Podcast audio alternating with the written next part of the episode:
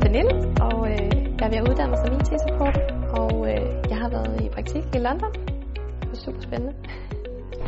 Det, der fik mig til at sige, at jeg gerne ville til udlandet, og så især da jeg fandt ud af, at det var London, det var, at det var bare en udfordring. Jeg havde brug for at tage en udfordring og få øh, en oplevelse af, hvordan at det er at være i udlandet, og det viser jo så, at det var super fedt at være der. Jamen, jeg hedder Mark, og jeg var med Erasmus i øh, Spanien, i Valencia, hvor jeg gik på Sarbæk, øhm, en elektrikerskole dernede, hvor de uddannede deres elektrikere. Og der var jeg i praktikophold i to uger, hvor jeg så, hvordan de lavede deres elektricitet, især i den by, men generelt også i hele Spanien. Vores opgave gik primært ud på at skulle øh, sørge for, at de kunne få en masse devices ud til det her firma, der skulle startes op. Så øh, vi fik sat øh, 305 øh, PC'er op, og vi fik sat øh, en 200 øh, arbejdstelefoner op, og så var der jo selvfølgelig lige diverse ved siden af, fordi direktørerne skal jo have lidt mere professionelle. Så, så vi fik arbejdet rigtig meget med øh, Microsoft Intune, og øh, det, det var super spændende. Noget af det, der overraskede mig i Spanien, det var deres øh, store forbrug af sol, solenergi.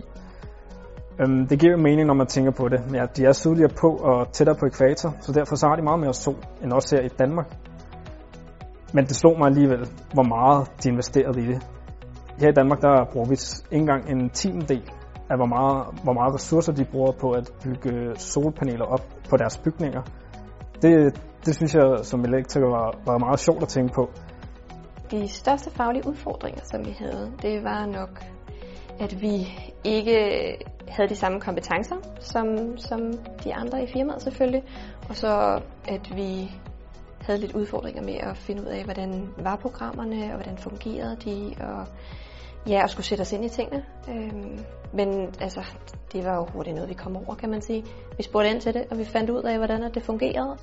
Det bedste ved praktikophold i et udland, det er at se, hvordan de laver deres ting i forhold til, hvad man laver her i Danmark.